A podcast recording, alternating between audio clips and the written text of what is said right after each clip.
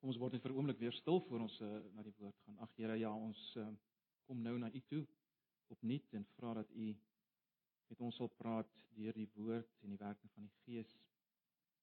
Waar ons is, elkeen, U ken ons, U ken ons swakhede, ons sonde, ons gebrokenheid. Ons is hier vir oggend sodat U ons uh, kan versterk en kan bemoedig en kan aanspoor deur die woord en deur die Gees tot 'n nuwe lewe van dankbaarheid en diens aan U in U koninkryk. Asseblief Here, ons vra dat U nou die woord so sal gebruik in Jesus se naam. Amen.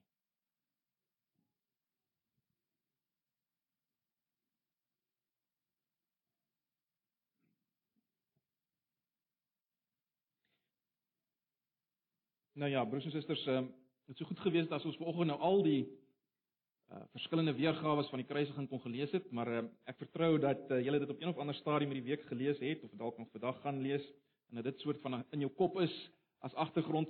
Ek wil hê ons moet vanoggend uh blaai na Hebreërs 13. Dis 'n gedeeltjie waarna ons al gekyk het. Ehm um, maar ek dink tog is so belangrik en ek wil hê ons moet daarna kyk en dan dit ook belig vanuit ander gedeeltes. Hebreërs 13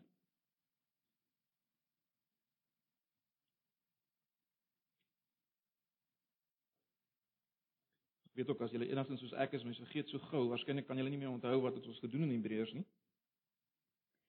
Hebreërs 13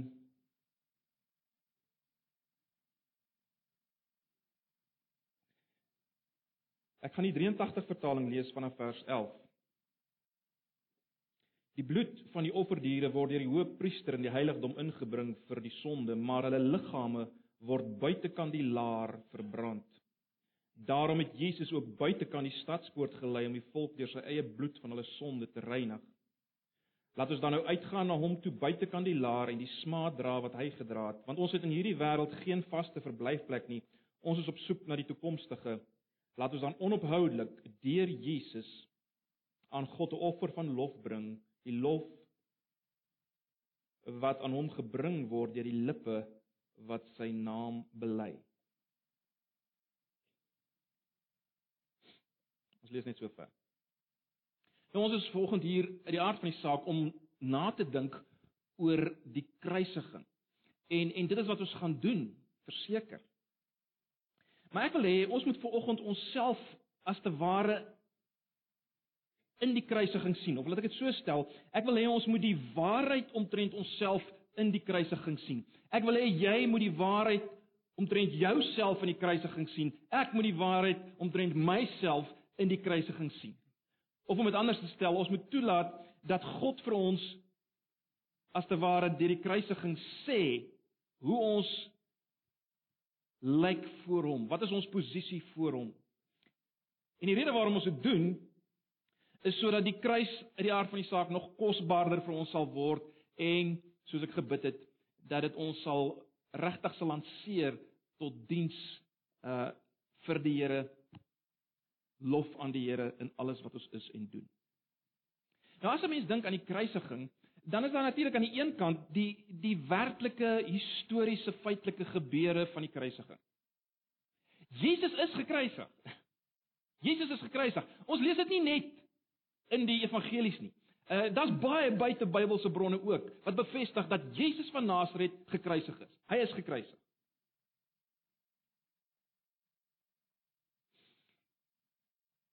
So dis 'n openbare feit. Almal kan daaroor gaan lees. En almal wat al gelees het ook in die evangelies oor die kruisiging sal weet, daar's sekere dinge baie duidelik op die oppervlak.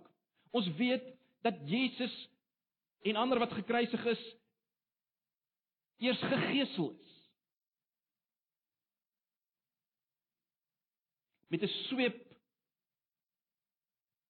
wat staalpunte aan die end gehad het, is hulle geslaan totdat hulle uiteindelik amper nie meer gekruisig kon geword het. 'n Bebloede massa is dikwels of laat ek so stel, na die geeseling was die persoon wat gekruisig moes word dikwels bloot 'n bebloede massa. Ons weet dit, dis dis op die oppervlak. Ons kan dit sien, ons weet dit. Ons weet dat Jesus het 'n kroon van dorings gekry, in sy kop ingedruk sodat die bloed waarskynlik oor sy gesig gestroom het. Waarskynlik is sy baard uitgepluk. Ons ons kan dit aflei ook uit Ou Testament uit Ou Testamentiese gedeeltes soos Jesaja 50 vers 6. Daar's op hom gespoeg en hy's geslaan en natuurlik dan is daar groot rowwe metaalspykers baie groter en rowwer as die wat ons ken vandag is deur die mees sensitiewe gedeeltes van 'n slagoffer se liggaam geslaan, sy hande en sy voete, die gedeeltes van die meeste senuwees. Letterlik is jy vasgeslaan aan 'n aan 'n houtkruis en dan opgepluk. En dan was dit nie snaaks om om te sien hoe 'n persoon en uiteindelik Jesus ook vir baie lank aan aan die kruis hang nie. Dikwels het die persoon wat gekruisig is in en uit komas beweeg soos hulle probeer natuurlik lig kry dit letterlik as te ware versmoor aan die kruis. Dis alles daar om gesien te word of ges, dit is gesien en ons weet dit het gebeur. Ag ons kan nog lank uitbrei oor oor alles wat daar gebeur het aan die kruis. Ons het al daaroor gepraat ek wil nie weer daaroor praat nie. As selfs mense wat wat hieroor skryf wat sê dit dikwels het die persone wat gehang het aan die kruis letterlik probeer om die lug uit hulle longe uit te dwing sodat hulle vinniger kon sterf.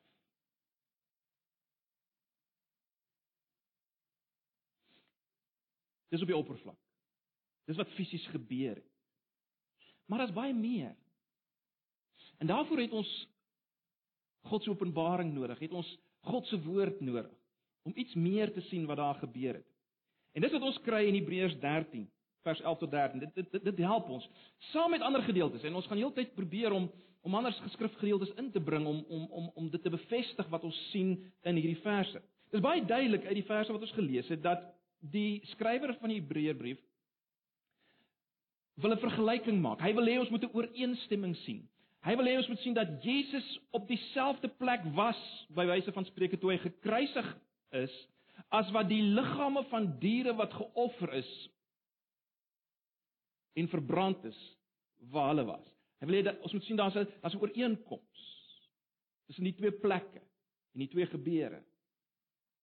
En as jy nou kan terugdink aan wat ons gesien het in die, in die boek Hebreërs, ons weet die boek Hebreërs val gedurig terug op die gebruike van die Ou Testament en wil heel, heeltyd wys hoe Jesus uh dieper betekenis hier aangee. Hoe Jesus hierdie dinge as te ware vul tot volheid. En dis ook hierdie geval. Maar daar's daar's nog iets meer wat moet ons moet onthou van die boek Hebreërs. Heel aan die begin in Hebreërs 1 vers 1 en 2, die skrywer het duidelik gemaak dat God in die verlede baie keer en op baie maniere tot ons gepraat het deur die profete, maar in die laaste dae het hy tot ons gespreek, klaar verlede tyd, deur die seun. In ander woorde, God se laaste finale woord aan ons is alles wat ons sien en hoor in Jesus. Jesus. Alles wat met hom gebeur het, sy koms, sy lewe, sy woorde, sy lering, sy sterwe, sy manier van sterwe, is God se laaste woord aan ons. Dis wat God vir ons wil sê. En dit moet ons onthou as ons besig is met Hebreërs. So kom ons kyk en dink net weer oor hierdie gedeelte. Die skrywer verwys na die sogenaamde buitekant van die laar waar hierdie offerdiere verbrand is. Nou, hy kies hierdie bewoording baie doelbewus. En die eerste lesers van die Hebreërbrief sou baie duidelik geweet het waarvan hy praat. Om dit so te stel, hulle sou in hulle verbeelding as te ware teruggevat gewees het na die dae toe die volk in die woestyn was. Hulle sal onthou van die ordelike kamp wat daar was wat uh om om 'n ordelike omheinde kamp, die tabernakel was in die middel en rondom die kamp was daar 'n 'n niemandsland buite om hierdie afgekamp te deel. Buite die laar was daar niemandsland. Almal het gepraat van buitekant die laar. Almal het geweet waarvan jy praat jy praat van buitekant die laar. En hierdie buitekant die laar is natuurlik geassosieer met 'n sekere of met sekere klasse mense as jy dit so wil stel. Buitekant die laar moes in die eerste plek die vreemdelinge bly, die wat nie deel was van die volk nie. Vreemdelinge ten opsigte, soos Efesiërs dit later stel, ten opsigte van die burgerskap van Israel en die verbonde, die vreemdelinge. Hulle was buitekant die laar. Buitekant die laar het jy ook die malaatses gekry. Hulle is daar buitekant die laar gelos uh omdat hulle natuurlik aansteekbaar was, uh onversorg en uitgesluit van al die voorregte wat die ander mense geniet het binne die laar, het hulle buite die laar gebly. Maar buite die laar was was ook die gevreesde plek van teregstelling natuurlik vir wetsverbrekers en kriminele. Ons weet volgens die wet van Moses moes egbreekers die doodstraf kry, sabbatsverbrekers, afgodsdienaars en moordenaars. Dis die ouens wat die doodstraf moes kry. Hulle is tereggestel buite kandilaar. En dan in hierdie gedeelte spesifiek in Hebreërs 13 word daar verwys na sekerlik die mees weersinwekkende aspek van buitekant die laar. Dit was die plek waar die liggame liggame van die diere verbrand is wat as offerdiere geoffer is. Uh die diere wie se bloed in die in die allerheiligste gesprinkel is. Onthou nou op hierdie diere is simbolies die sonde van die volk geplaas. En as teken dat hulle vervloek is deur God as gevolg van die sonde wat op hulle geplaas is. As teken daarvan is hierdie diere verbrand buite kan die laar.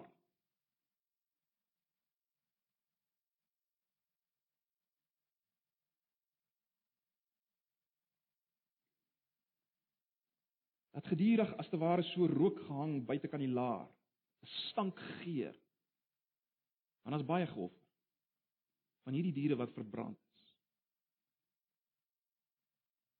So as mens in kort dit kan saamvat, buite kan die laar was die plek van die vreemdelinge, buite kan die laar was die plek van wetsverbrekers en kriminele, buite kan die laar was die plek van malaatses en buite kan die laar uh om dit so te stel, het jy sonde vervloekte afval gevind. Dis wat jy buitekant die laar gekry het. Nou julle sou raak gesien het dat die Hebreërs skrywer wil hê ons moet sien dat Jesus het na die geestelike ewebeeld van hierdie plek gegaan. Of om dit anders te stel, het na die plek gegaan wat uit God se perspektief dieselfde was as buitekandilaar. En hy het dit gedoen met 'n kruis, kruis waarvan ons nou gepraat het, sodat hy sy mense kon heel maak heilig met sy bloed dit waaroor ons gepraat het ook in 1 Petrus. Verloops die die werklike plek waar Jesus gekruisig was was ook 'n afstootlike plek is genoem die plek van die hoofskedel. Dit was buitekant die stad, uitgesluit van alles wat in die stad aangaan, ook op die plek van kriminele en so mee. Die plek van die hoofskedel. Maar nou die belangrike ding is dit.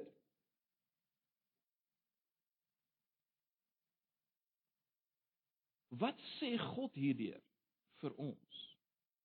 Wat moet ons hoor? Wel, die belangrike ding vir oggend is om te verstaan die plek waarna toe Jesus gegaan het. Is die plek waar ons hoort. En en dis iets wat ons nie net hier sien nie. Luister net weer na 2 Korintiërs 5 vers 21 wat dit baie eksplisiet stel. Want hy, dis God, het hom, Jesus, wat geen sonde geken het nie, luister 'n bietjie sonde vir ons gemaak sodat ons kan word geregtigheid van God in hom. In daardie oomblikke wat Jesus aan die kruis hang, is hy sonde gemaak. Alles wat ons nou gesê het oor dit wat buite kan die laar gebeur het, wel dit alles is ingesluit in 2 Korintiërs 5 vers 21. Ons sê so maklik Jesus het my plek geneem aan die kruis, maar maar, maar hoor ons wat ons sê? Verstaan ons werklik wat ons sê? Want dit is skokkend as ons raak sien wat ons ware plek is en wat ons ware karakter voor God is buite Christus. Buite Christus. So kom ons dink daaroor. Kom ons dink aan wat hy in ons plek deurgegaan het as hy na die geestelike ewebeeld van buitekant die laar gegaan het in ons plek. In ons plek. Wel, in die eerste plek het hy gegaan na die plek waar hy 'n vreemdeling was. En let wel waar hy ook 'n vreemdeling geword het vir sy Vader. Ons sien dit natuurlik uit die evangelies. Mense dink aan aan Markus 15 vers 3 waar Jesus uitroep: "My God, my God, waarom het U my verlaat?" Dis baie duidelik dat in die 3 uur van duisternis is Jesus 'n vreemdeling. Hy's uitgewerp. Hy's buite kan die ligkring.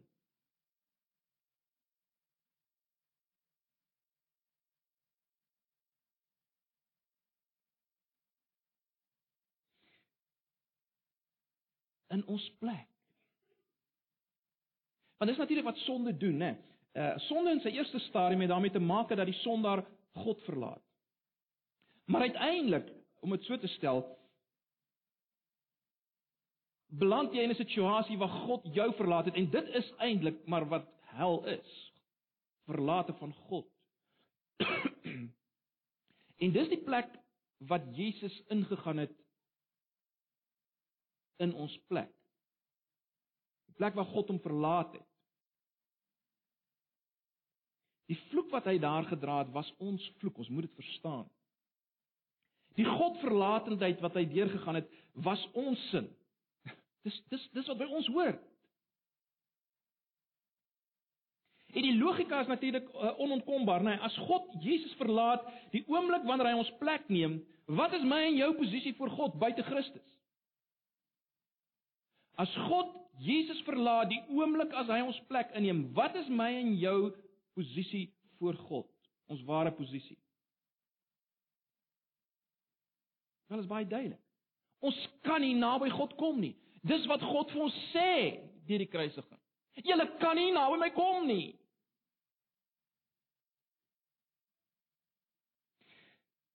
Maar verder meer en dis die tweede ding wat ons gesien het wat buite kan die of die tweede groep buite kan die laar As Jesus ons plek inneem, doen hy dit as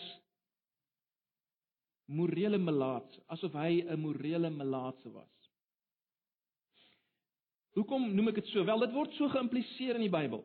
Uh in Jesaja 53, 'n gedeelte wat natuurlik gaan uh uh oor die kruisiging. Lank voor die kruisiging, kyk dit as te ware vorentoe in profetiese taal na die kruisiging. En dan lees ons in Jesaja 53 vers 4, die 83 vertaling: "Nogtans het hy ons krankhede op hom geneem en ons smarte deed hy gedra.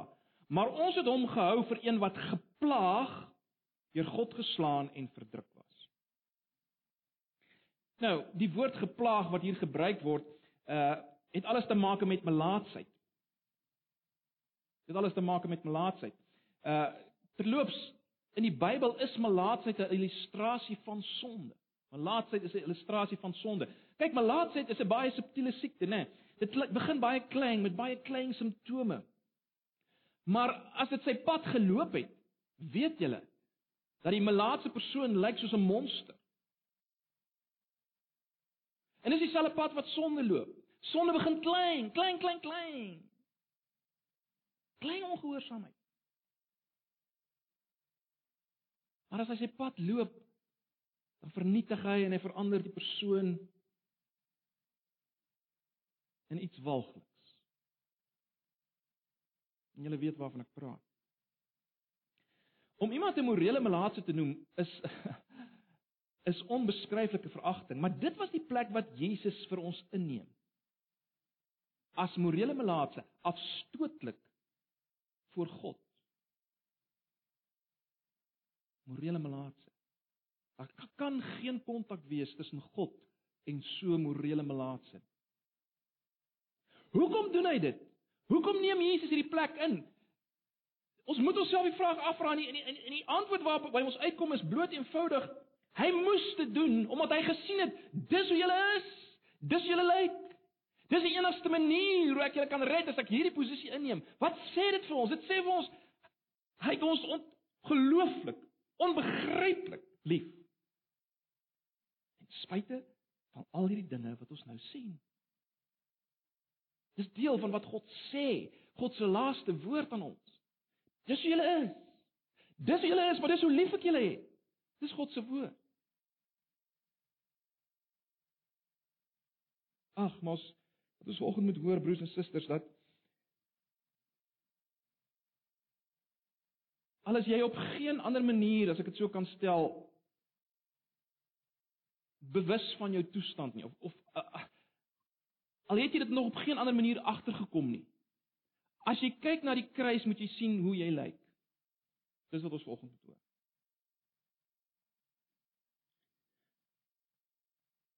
Ons probeer dikwels mense probeer oor die algemeen onreinheid en immoraliteit en perversie versigtig wegsteek Maar in die kruis is dit duidelik vir almal om te sien. Dis hoe jy lyk. Dis hoe jy is. God sê dit vir almal om te hoor. Maar goed, dit bring ons by die volgende kategorie wat Jesus in ons plek ingeneem het. Wetsverbreker en krimineel. Ons weet ons weet uit die geskiedenis dat dit was slegs die absolute kriminele wat gekruisig is. Die ouens waaroor daar eintlik nie eens gepraat is in 'n ordentlike Romeinse geselskap. Ons weet dit. Ons weet Jesus, uit die evangelies weet ons dit. Hy's gekruisig langs twee wetsverbrekers, moordenaars. Ons weet dit. Die verstommende is natuurlik dat Jesus doen nie wat ons sou gedoen het in dieselfde situasie nie. Hy hy hy sê nie asseblief asseblief kyk ek ek ek het dit nie gedoen nie. Ek het niks verkeerd gedoen nie. Dis nie my oortreding nie. Hy bly stil. Jesus was gewillig dat hy hanteer word as 'n absolute krimineel en wetsverbreker. Hy was gewillig om gereken te word saam met die misdadigers. Dis letterlik soos Jesaja 53 vers 12 het ook stel. Hy's gereken in daardie oomblik aan die kruis, is hy gereken saam met die misdadigers. Ongelooflik dat Jesaja dit honderde honderde jare voor die tyd so sien.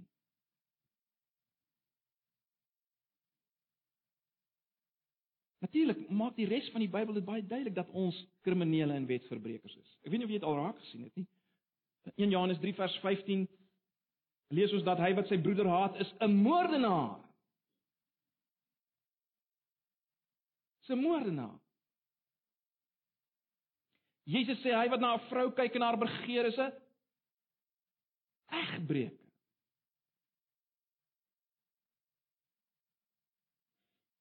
Ons kan dan nog verder vat en sê dat as Jesus ons broer is, soos die Nuwe Testament dit sê, en as hy God is, soos ons weet, dan staan ons eintlik skuldig ook aan broedermoord en godsmoord. Dis wie ons is. Ons as ons as mense en ook jy en ek. Maar maar, maar selfs al sou die Bybel niks sê van dit wat ek nou genoem het nie. Sê Golgotha dit. Golgotha sê dis wat jy is. As Jesus buite kan die stad sterf. Die ewe beeld van buite kan die laar. Dan sê God vir ons in sy laaste woord dis wie jy is. kriminele en wetsverbrekers. Kan nie van wegkom nie. Dis openbloot. Daar's geen ander rede waarom Jesus sou gesterf het so nie op daardie plek nie. Dis wat ek en jy is. Maar dan bo alles word Jesus uitgelei buite kan die kamp. Net soos die liggame van offerdiere wat vervloek is, waarop die sonde geplaas is, Die diere wat uiteindelik verbrand is as sondevervloekte afval.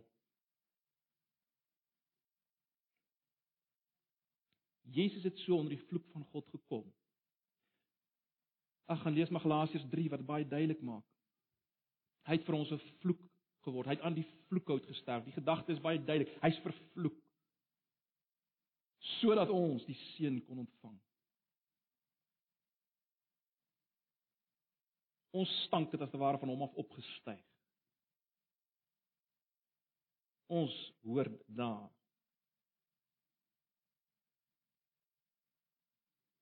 Ag broers en susters, ons kan vreeslik vroom lyk hier en pragtig lyk.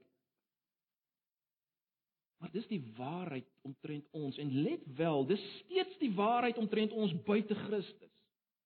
Dis ons is buite Christus. Party is net meer gekultiveerd en meer gekamoufleerd, maar dis maar wat ons is. En daarom as ons as ons wil weet wie ons is, en as ons as ons werklik wil verstaan wie Jesus vir ons is, dan moet ons na die kruis kyk. Kan ons nooit wegkom van die kruis nie. Dis hoekom Paulus sê al wat ek wens is om uh, of al wat ek op onder julle wil ken is Christus en hom as die gekruisigde. Deel van die rede. Want alleen in die lig van die kruis sien ons wie ons is en sien ons wie God vir ons wil wees.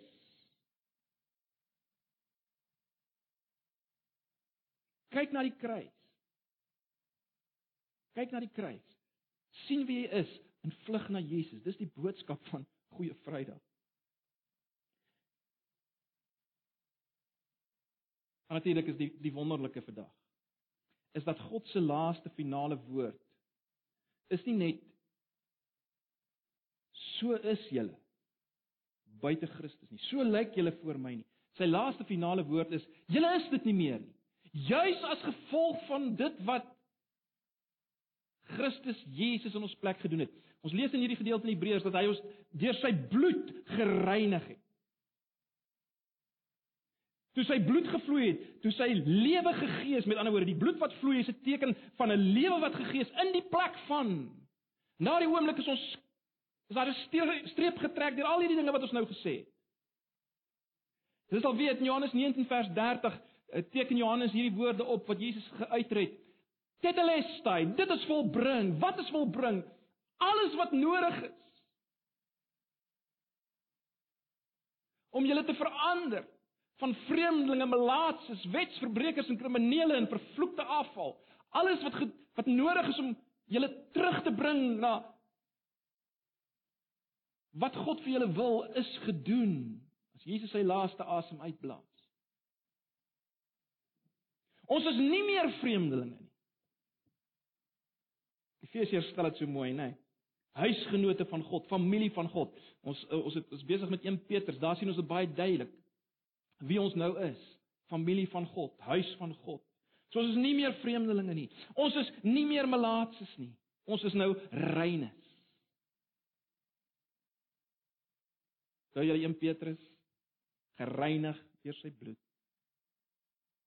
Ons is nie meer kriminele nie, ons is regverdiges. Geweldig. Ons is nie meer vervloektes nie, ons is geseëndes. Ja, al sit jy volgende hier en jy's terminaal siek, is jy 'n geseënde volgens God se perspektief in Jesus, want seën en vloek het alles daarmee te maak. Of jy is onder die vloek van skuldig staan aan verbondsverbreeking, of jy deel aan die seën wat Jesus verwerp het deur in jou plek vervloek te word.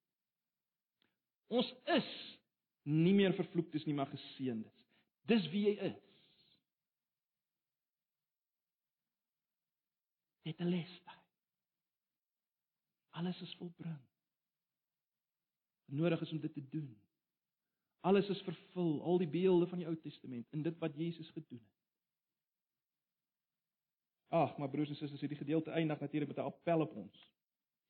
Die appel is dit: laat ons dan uitgaan na hom na hom toe buite kan die laar en sy smaad dra want ons het hier geen blywende stad nie maar ons soek die toekomstige.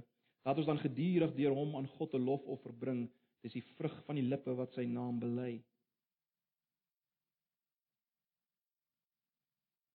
Hoe moet ons buite kan die laar gaan en sy smaad dra? Wel as ons mooi kyk hier lyk dit vir my ons moet eerstens besef ons het nie hier 'n blywende stad nie en dis die boodskap wat van 1 Petrus nê julle is vreemdelinge en bywoners Julle is op pad na julle vaderland. Julle is nie burgers hier nie. Besef dit. Besef dit. Moenie jou lewe inrig of jy vir altyd hier gaan bly nie. Nee. Leef met die lig op wat gaan kom en daarom gaan uit. Buite kan die laar. Wat sou buite kan die laar beteken in die lig van wat ons gesien het? Wel, dit beteken beweeg tussen mense wat vreemdelinge is, wat melaatses is, wat wetsverbrekers en kriminele is.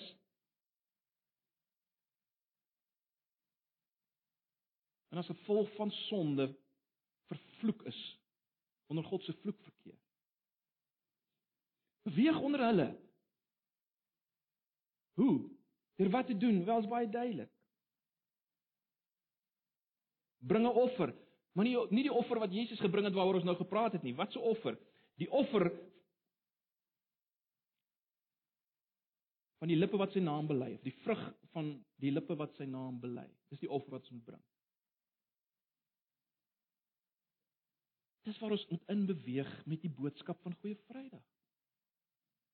Die boodskap van Goeie Vrydag is nie maar net vir ons om om te sê, "Sjoe, dis ongelooflik wat hy gedoen het nie." Die boodskap van Goeie Vrydag is is daar om jou hele manier van dink en lewe te verander. Jou hele uitkyk op dit waarmee jy moet besig wees in hierdie lewe. Ek moet besig wees om 'n offer te bring en dis wat ons sien in 1 Petrus ook, nie waar nie?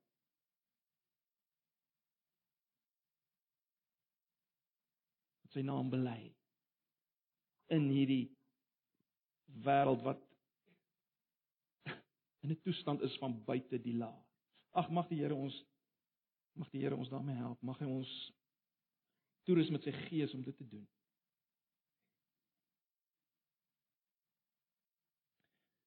Kom ons bid net saam en dan gaan ons saam die nagmaal vier. En ek gaan net iets sê oor die oor die nagmaal vanoggend. Nadat ek gebid het, kan die diakens miskien maar net die, die tafel kom regkry en dan gaan ek net iets sê voor ons die nagmaal saam gebruik. Ag Here, baie dankie vir u woord.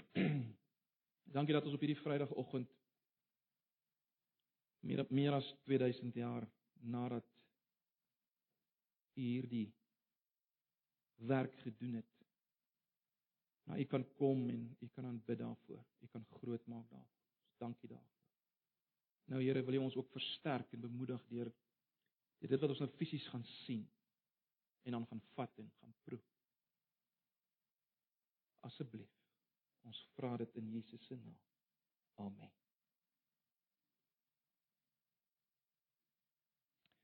Broers en susters, ons gaan vanoggend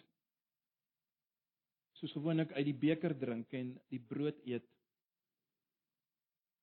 En ek wil net hê ons moet vir 'n oomblik net nou in die lig van wat ons gesien het weer dink oor hierdie beker. Ons weet dat Jesus, ons sien dit oral in die evangelies, het gebid, Vader, as dit kan laat hierdie beker by my verbygaan. Hy sê ook vir sy disippels op 'n stadium ek het 'n beker wat ek moet drink. Dan ons het gesien wat is die beker. Psalm 75 vers 8 stel dit so, daar staan want in die hand van die Here Jahwe God is 'n beker en die wyn skuim, dis oorvloedig gemeng en hy skink daaruit, ja die afsaksel daarvan moet al die goddelose van die aarde opslurp en uitdrink.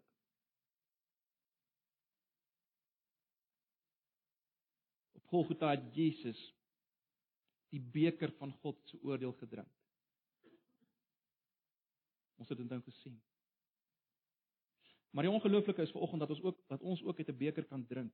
Ons hoef nie meer die beker van toorn te drink nie. Terloops tot in Openbaring word daar weer gepraat oor hierdie beker van God se toorn wat die die wat die Here Jesus verwerp gaan drink. Gaan lees maar Openbaring. Maar die ongelooflike is dat ons 'n ander beker kan drink. Luister na Markus 14 vers 23. Toe neem hy dis Jesus se beker 'n beker En nadat hy die dankgebed uitgespreek het, gee dit vir hulle en hulle het almal daaruit gedrink en hy sê vir hulle: "Dit is my bloed, die bloed waardeur die verbond beseël word en wat vir baie mense vergiet word. Dit verseker ek julle, ek sal nie meer wyn drink tot op daardie dag wanneer ek die nuwe wyn in die koninkryk van God sal drink nie." Jy sien die beker waaruit ons vanoggend kan drink. Dis nie die beker van God se toorn oor sonde nie, maar sy vergifnis, sy liefde deel wees van die nuwe verbond. So as ons dit drink, kom ons dink daaraan. Ons sal nooit, as ons in Christus Jesus is, sal ons nooit die die beker van God se toorn hoef leeg te drink soos Jesus nie. Hy het dit in ons plek gedoen. En nou kan ons die beker van liefde drink. Seën, gifnis. Die brood wat ons breek is natuurlik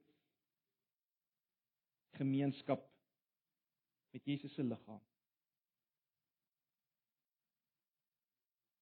En ons weet sy liggaam sit rondom ons né? Nee, ons broers en susters is deel van sy liggaam. So kom ons gebruik dit saam as die liggaam van die Here en ons verlustig ons daarin dat ons nou deel het aan hom. Ons wat ons het gesien wie ons is. en nou dit nie meer is. Ons wat nou huisgenote van God is. Geseëndes, reines. Kom ons gebruik dit so. Nooi julle uit um om die nagmaal te gebruik. Elkeen wat in hierdie oggend sy toevlug neem tot Jesus uit 'n bewustheid van jou toestand soos ons dit vanoggend gesien het. Jy is welkom. As jy sien wie jy is en as jy jou vertroue plaas in Jesus, is hierdie nagmaal volgens vir jou. Ek nooi elkeen om te